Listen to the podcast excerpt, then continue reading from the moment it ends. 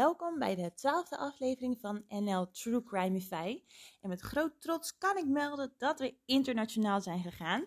Eigenlijk sinds begin 2022 al. Dan kan je in de statistieken zien waar de uh, luisteraars vandaan komen. En ik zag dat we nu ook iemand hebben die vanuit België luistert. Dus natuurlijk speciaal eventjes een shout-out naar deze persoon. Tof dat je er bent. Misschien zag je het al in de titel, maar deze week gaan we het weer hebben over een vrouw. Maar wel zoals dat het hoort, namelijk dit eh, verhaal is vanuit het oogpunt van het slachtoffer. Het gaat om een van de meest gruwelijke misdaden in de geschiedenis van California. En we gaan het dan ook alweer over wat expliciete dingen hebben. Maar als die komen, dan geef ik vooraf even een seintje voor als je door wil spoelen. We zijn in het jaar 1906 als Perry Parker en Geraldine Heisel besluiten te trouwen. Dat doen ze dan ook en zij gaan samen als vers gezin wonen in LA in Californië.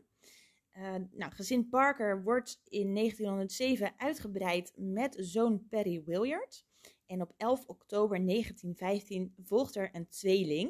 Het zijn twee meisjes, uh, één eigen ook.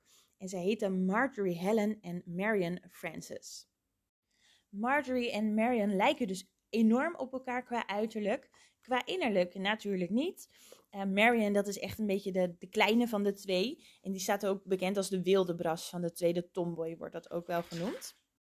Moeder is thuis bij de kinderen. Vader is bediende bij de bank, dus eigenlijk een bankmedewerker, maar dan in tijden dat de bank nog wel rente gaf. En het is een, een fijn, gelukkig gezin. Niet super rijk, maar zeker ook niet arm. Alles gaat zijn gangetje, ze zijn gelukkig. Een fijn gezin om te wonen, goede jeugd.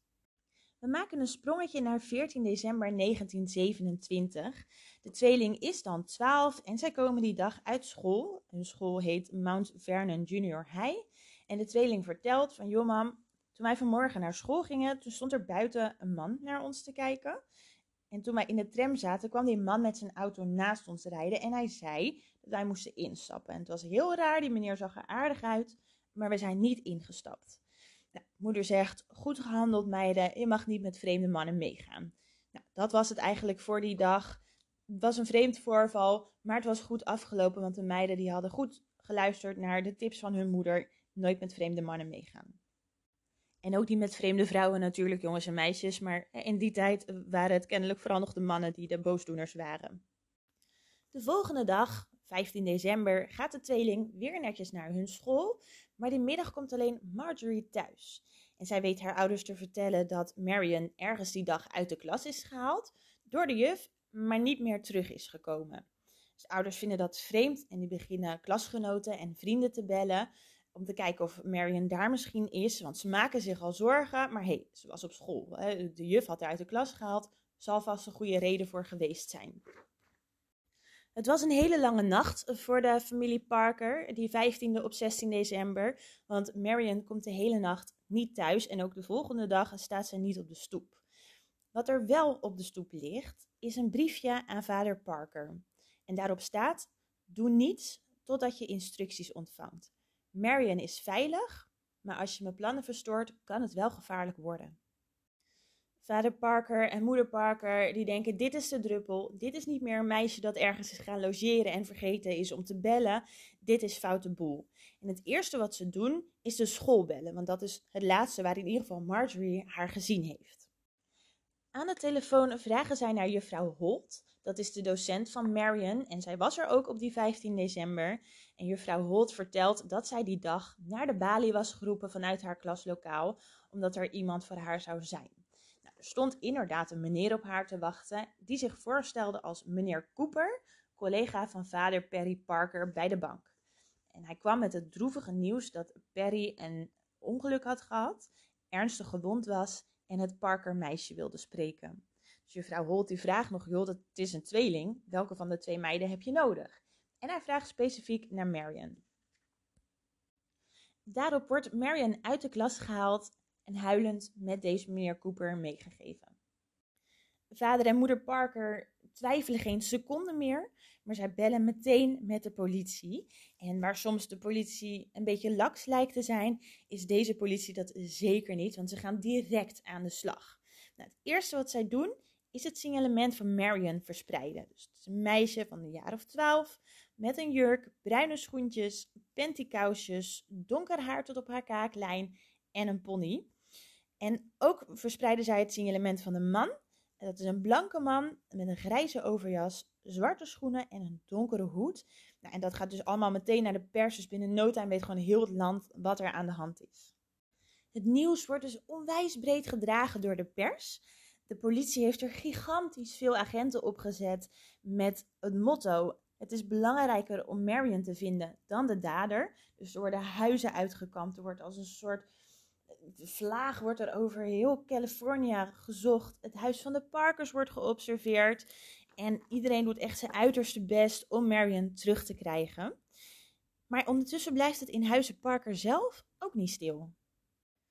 Op 16 december, dus de dag dat de politie is gebeld, maar ook de dag dat het eerste briefje kwam, volgen er nog heel veel meer brieven en telefoontjes.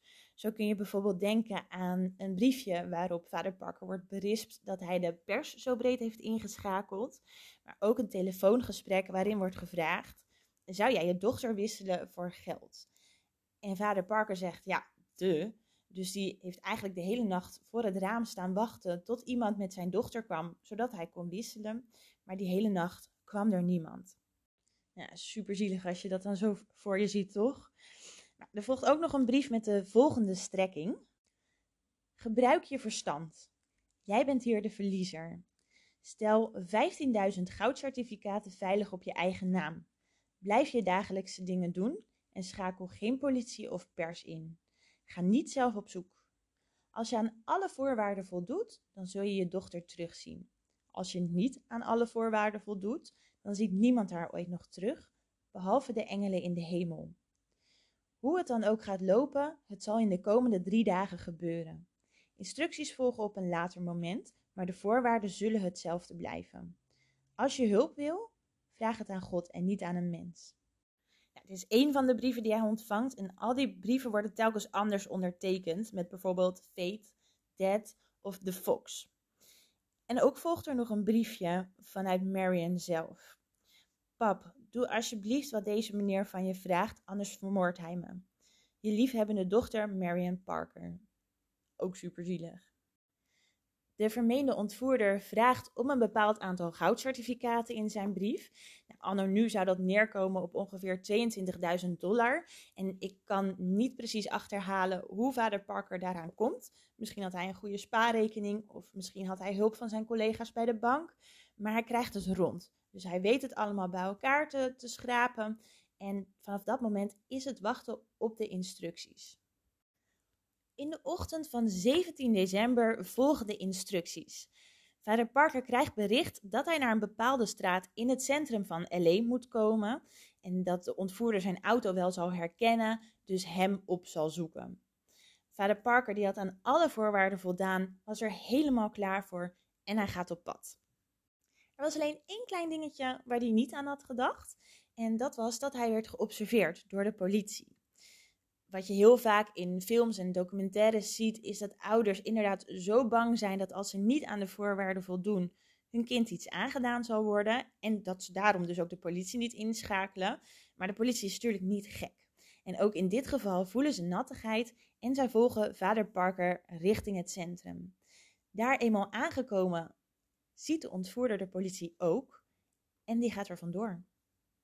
Op dat moment zit er niets anders op dan weer naar huis te gaan. Dus vader Parker keert zijn auto om en met de politie in zijn kielzog rijdt hij weer terug. En dan breken een aantal hele spannende uren aan. Want ondanks dat het niet expres was gegaan, was op dit moment niet aan alle voorwaarden voldaan. En we herinneren ons denk ik allemaal nog wel het dreigement in de brief dat als niet aan de voorwaarden voldaan zou zijn, niemand Marion ooit nog terug zou zien. Dus op dat moment zit er voor de familie niets anders op dan afwachten hoe het nu verder zal gaan aflopen. Vader Parker zit dus al de hele dag met zijn neus bovenop die telefoon. En diezelfde dag, dus 17 december, om vijf over half acht avonds, gaat die telefoon af. Het is inderdaad de vermeende ontvoerder van Marion, die op zijn zacht gezegd not amused was, maar die wel aangeeft dat zijn dochter nog leeft schrijnend detail uit dit telefoongesprek is dat Marion haar vader gezien zou hebben. En dat zij zich had afgevraagd waarom papa zo dichtbij was, maar haar niet had geholpen. In dat telefoongesprek wordt er opnieuw een afspraak gemaakt, wel op een iets andere plek en al om 8 uur, dus over 25 minuten was dat. De politie stond ondertussen natuurlijk op scherp, omdat zij wisten dat deze gesprekken gaande waren. En na overleg krijgt vader Parker toestemming om naar die plek toe te gaan zonder de politie. Er is geen tijd te verliezen, maar alles stond natuurlijk nog klaar van die ochtend. Dus vader Parker die rent naar zijn auto, stapt in en scheurt naar die plek waar hij moest zijn van de ontvoerder. Hij moet daar eventjes wachten en dan komt er inderdaad een auto aanrijden. Uit die auto stapt een man die onherkenbaar is omdat hij een bandana om zijn hoofd heeft.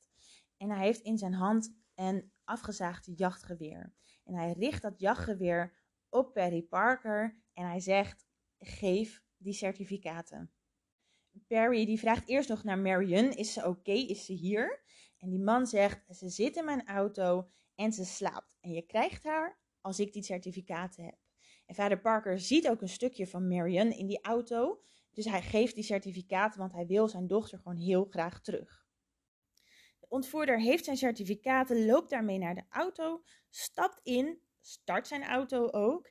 En vlak voor hij wegrijdt, opent hij de bijrijdersdeur en hij geeft Marion een zetje uit de auto. En hij roept naar Perry Parker: Hier is je dochter.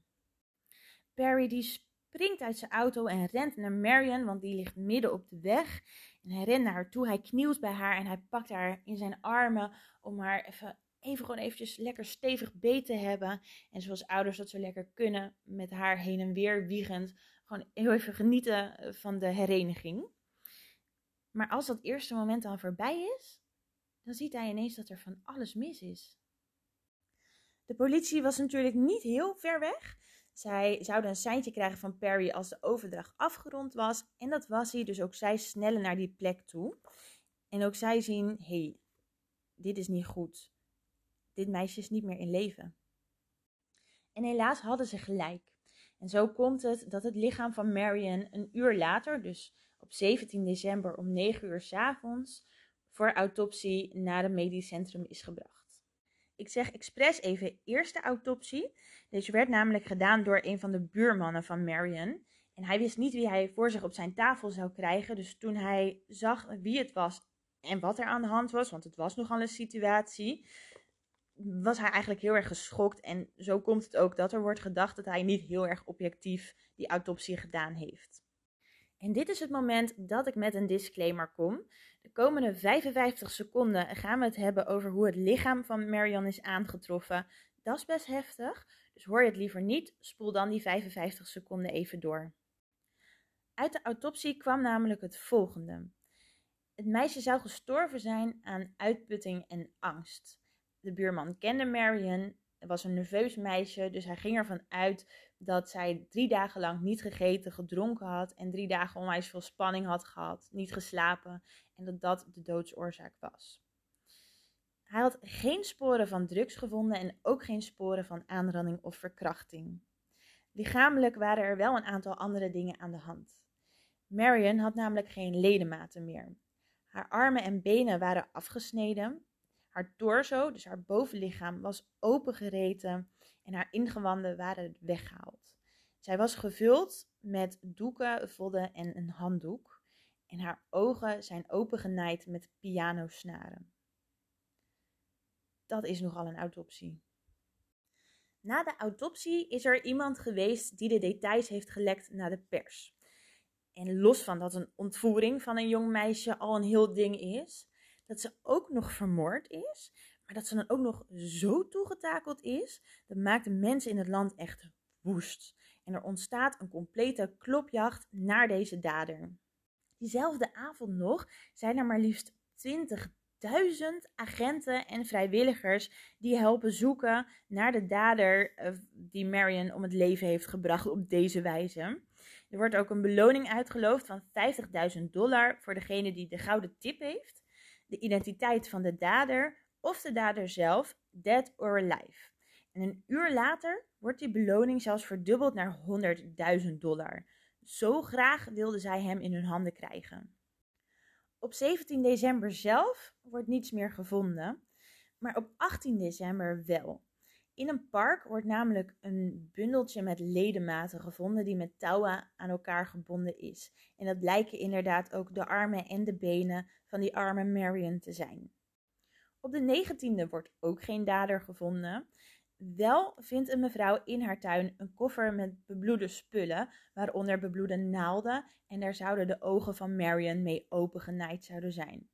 Het is ook alweer heel wat anders als je denkt even je krant uit je brievenbus te halen. Hm. Dan wordt het 20 december. En ook dat is niet de dag dat de dader wordt gevonden.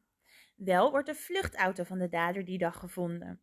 Het blijkt een auto te zijn die gestolen is in San Diego en de politie weet wat vingerafdrukken te verzamelen die op het portier zitten. De politie verhoort ondertussen ook echt wel al wat mensen. Dat zijn niet mensen die per se al zijn opgepakt omdat ze echt sporen hebben die naar hen leiden, maar wel mensen die al iets op hun kerfstok hadden. Dus die bijvoorbeeld ook eerder eens een meisje ontvoerd hebben. Deze worden eigenlijk allemaal al vrij snel vrijgesproken nadat juffrouw Holt van de school aan kon geven van joh, dit was gewoon niet die man die die dag op school was. Al die zoektochten zijn bezig, er wordt sporenonderzoek gedaan en ondertussen is er ook nog een team bezig om eens te graven in het leven van de Parkers om te kijken of zij op basis van een motief misschien iemand konden vinden. Zij twijfelden namelijk heel erg of geld inderdaad het motief was. Vader Parker werkte bij de bank, maar hij was niet bankdirecteur, hij was bankbediende. Ze hadden een goed leven, maar het is niet dat hij onwijs veel geld had. Is er dan misschien iets anders in die levens aan de hand geweest waardoor zij het doelwit zouden kunnen zijn? En daar krijgen ze al vrij snel antwoord op. Namelijk in juni van datzelfde jaar, van 1927, heeft Perry tegen een van zijn collega's getuigd. Namelijk tegen William Edward Hickman. Die werkte dus als loopjongen bij diezelfde bank. Was inderdaad collega van Perry. En Perry had tegen hem getuigd in de rechtbank omdat hij checks had vervalst. En daar was hij ook voor veroordeeld. En wat blijkt nou? Op een van de brieven die naar de Parkers is verstuurd, staat als afzender het adres van de moeder van William Hickman. Dit is best een grote doorbraak, want het is en hartstikke snel en ze weten naar wie ze heel specifiek op zoek zijn. Dus de foto van William wordt verspreid in het nieuws en op een gegeven moment wordt hij ook herkend.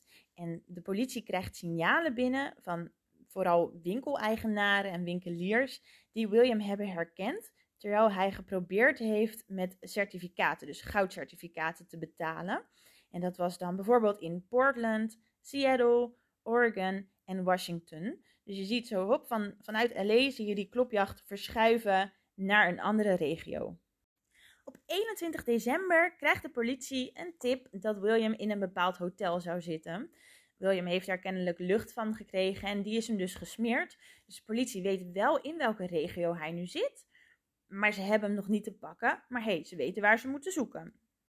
Terwijl er 20.000 mensen op zoek zijn naar William Hickman, staan er elders in het land op 22 december twee agenten even een sigaretje te roken. En ze zien een auto voorbij rijden en ze denken: hey, die is vanmorgen bij ons als gestolen aangegeven. Zij zetten de achtervolging in en ondanks dat de bestuurder niet meteen stopt uh, en ze dus moet dreigen om te schieten, stopt hij uiteindelijk toch. En je raadt het al, dit blijkt William Hickman te zijn die zoektocht naar William die was ondertussen echt landelijk. Uh, dus ook deze agenten herkenden hem en ze namen hem mee naar het bureau. En eigenlijk ging William meteen over tot een bekentenis voor de moord op Marion. En hij gaf ook aan dat zijn motief niet wraak nemen was, maar hij had geld nodig voor de universiteit. En hij had Marion en haar vader daarvoor gebruikt, omdat hij Marion ooit eens had ontmoet op het werk van haar vader toen ze een keertje mee was. En zo kende hij dus specifiek haar naam en vroeg hij in de school specifiek naar haar. William bekent bijna direct. Er is ook genoeg bewijs. Uh, juffrouw Holt heeft hem herkend. Hij past precies in het plaatje, zijn vingerafdrukken. En dus komt er een rechtszaak. En de rechtbanken waren kennelijk nog niet zo heel druk, want die is al op 25 januari 1928. Ondanks zijn bekentenis besluiten William en zijn advocaat in de rechtszaak not guilty by reason of insanity te pleiten. Dus niet schuldig op basis van krankzinnigheid. William doet er ook alles aan om men dat te laten geloven. Hij zit in zichzelf te mompelen. Hij bedenkt wat moorden die niet bestaan die hij gepleegd zou hebben. Hij bedenkt een medeplichtige die niet bestaat die hem geholpen zou hebben. En hij werd gestuurd door een soort goddelijke bovennatuurlijkheid met de naam Providence. Deze zou hem aangespoord hebben om die ontvoering te doen met dat losgeld en vervolgens die moord. Super, zo'n soort god die ook meedenkt met je studie, toch? De officier van justitie laat zich niet foppen. Die schakelt zijn eigen onafhankelijke psychiaters in en die trekken een andere conclusie, namelijk dat William gewoon bij zijn volle verstand is en dat er geen sprake is van krankzinnigheid. Die officier van justitie had ook nog een paar andere dingetjes gevonden, namelijk een brief van William naar een andere gevangene, waarin wat vragen stonden over wat vind jij als ik dit zou doen? Zou je me dan een beetje gek vinden qua gedrag? Zo had hij ook nog naar een andere gevangene geschreven uh, wat hij van plan was om inderdaad een beetje gek over te komen. Zo zou hij bijvoorbeeld schreeuwend op de grond gaan liggen voor die oude Parker, dus voor de vader van Marion. En het enige wat hij hiermee bereikt is een titel als niet krankzinnig en een naam in het nieuws als een morele imbeciel. Er zijn dus nog best wel wat extra onderzoeken, wat nieuw bewijslast. Dus al met al duurt die rechtszaak toch nog tot 9 februari.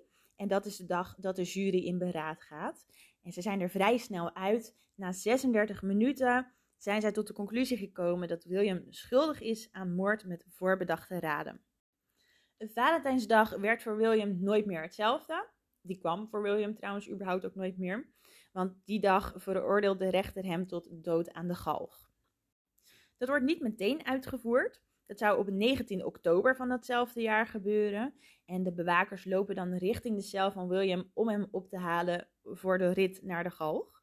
En terwijl hij daar huilend nog wat brieven van zijn moeder zit te lezen en een stukje kip zit te knabbelen, vraagt hij of hij nog een nieuwe bekentenis mag afleggen. Dus William begint te vertellen. Het was geen wraak, hij had echt collegegeld nodig, maar hij kende verder zelf niet echt rijke mensen. En als hij ze al kende, had hij niet een manier om ze te chanteren om geld te krijgen. Dus hij moest wat anders gaan bedenken. En zo kwam hij uit bij Perry Parker. Hij wist dat ze niet heel rijk waren, maar hij wist wel dat uh, vader Parker aan het geld of die certificaten zou kunnen komen met een beetje hulp van zijn baas. Dus hij probeert Marion mee te krijgen, specifiek Marion omdat hij haar al een keer had gezien en dus haar naam wist. De eerste keer lukt dat niet bij de tram, maar op school lukt dat dus wel. Hij neemt Marion mee naar zijn huis en hij weet haar daar een soort van met dreigementen rustig te houden. Van, als je stil bent, dan komt je vader je zo halen. Als je niet stil bent, dan zal ik je vader of je zusje pijn doen. Dus de eerste drie dagen weet hij Marion op die manier eigenlijk nog wel in toom te houden. Maar op een gegeven moment begint zij onrustig te worden. Ze, ze kan niet eten, ze kan niet slapen, ze wil naar huis. Dus hij bindt haar vast aan een stoel.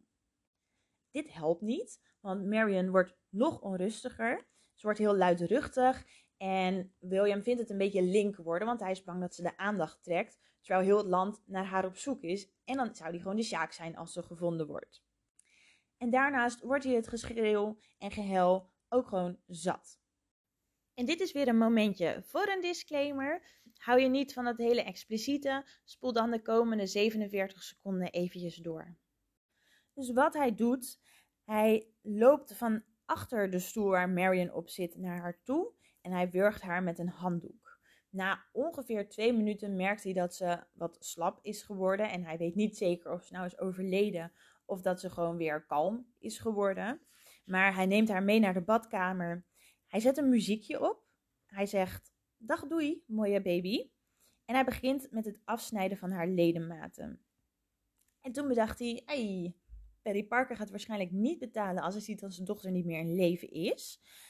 Dus hij heeft om die reden haar ogen open genaaid. En eigenlijk pleit hij er dus nog steeds voor dat het haar hem gewoon tot waanzin dreef. Hij was niet krankzinnig, maar hij zag echt geen andere uitweg meer. Behalve het vertragen van de uitvoering van zijn executie, levert de bekentenis van William hem verder weinig op. Dus op 29 oktober wordt hij opnieuw opgehaald door de bewakers. Hij wordt meegenomen naar het pleintje waar hij aan de galg gehangen zal worden. En terwijl hij de 13 treden oploopt richting de galg zelf, valt hij flauw. Ze zeggen wel eens: als je lichaam ontspannen is, is het meegaander. Dus als je bijvoorbeeld van een grote hoogte afvalt en je weet je lichaam te ontspannen, dan is de kans groter dat je er levend van afkomt. Maar soms blijkt dat dus ook in je nadeel te werken. Het flauwgevallen lichaam van William was natuurlijk slap. En hij wordt al flauwgevallen wel opgehangen. En het duurt 14 minuten voordat hij doodverklaard wordt. Dus ongeveer zeven keer zo lang als dat hij die arme Marion aandeed. Op het moment van de feiten was William zelf ook nog maar 19 jaar. En dit was dan dus het einde van zijn korte, uh, wel duistere leven. Maar voor Geraldine en Perry was het natuurlijk nog lang niet het einde van alle verdriet. Ze hebben echt nog heel lang gerouwd, natuurlijk, om hun dochter. En ook iedere keer dat ze Marjorie zagen, zagen ze eigenlijk Marion. Dus het moet onwijs confronterend en lastig geweest zijn. Wat ik wel las, is dat Perry, waar hij ook maar kon, aan iedereen vroeg: joh, geef niet de schuld aan school of aan juffrouw Holt. Want het is niet handig wat ze hebben gedaan, maar het is ook niet hun schuld. Dus nou, het zegt ook alweer wat over hun vergevingsgezindheid. Ik vind dat nogal knap. Marjorie, die trouwt en die gaat uiteindelijk in San Diego wonen. En ook broer Perry gaat daar wonen nadat hij een tijdje in de luchtmacht heeft gezeten. En hij wordt daar zelfs nog 75 jaar oud. Ook hier heb ik weer niet echt een hele vrolijke eindnoot. Wel een mooie. Ik zag namelijk dat er nog wat moordballads zijn gemaakt over de zaak van Marion. Het zijn liedjes die gaan over of verwijzen naar een zaak. In het geval van Marion zijn dat uit de jaren 2020 de Marion Parker Song. Uit de jaren 60 Little Marion Parker. En uit de jaren 40 Bye Bye Baby. Eigenlijk de woorden die William tegen Marion zei toen hij in zijn badkamer aan de slag ging met haar.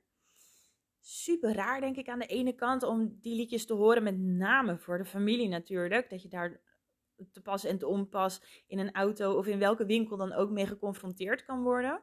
Maar ik denk ook dat het een mooi idee is dat muziek is super tijdloos. Het blijft altijd bestaan. En doordat er liedjes over zijn, wordt ook Marion nooit vergeten. En zal er altijd, eens in de zoveel tijd, iemand aan haar denken. En dat is denk ik ook wel weer een heel mooi idee. En daarmee komen we aan het einde van deze heftige, maar vind ik ook heel verdrietige zaak. Ik hoop dat je het verhaal goed hebt kunnen volgen en ik heb een tip voor je waarmee je jezelf, als dat nodig is, hopelijk ook weer een beetje kunt opvrolijken. Het zit nog steeds in de True Crime hoek. Het gaat om een Engelstalige podcast en die heet Killer Queens. Het zijn twee zussen die inmiddels allebei hun baan hebben kunnen opzeggen om verder te gaan met de podcast. Nou, zeg wel wat over een stukje professionaliteit, denk ik. En zij bespreken onderling, zoals eigenlijk alleen zussen dat kunnen, verschillende moordzaken, vermissingen. Er zit heel veel humor in, maar er is, ja, waar dat nodig is, is het gewoon onwijs serieus. Dus nog steeds ook respectvol ik zou hem in ieder geval aanraden. Ik vind hem erg leuk. Ze hebben al heel veel afleveringen gemaakt, dus je kan weer eventjes vooruit. En voor nu ga ik je bedanken voor het luisteren naar mijn podcast. Ik ben er volgende week weer en ik hoop dat je dan ook weer zin hebt om te luisteren.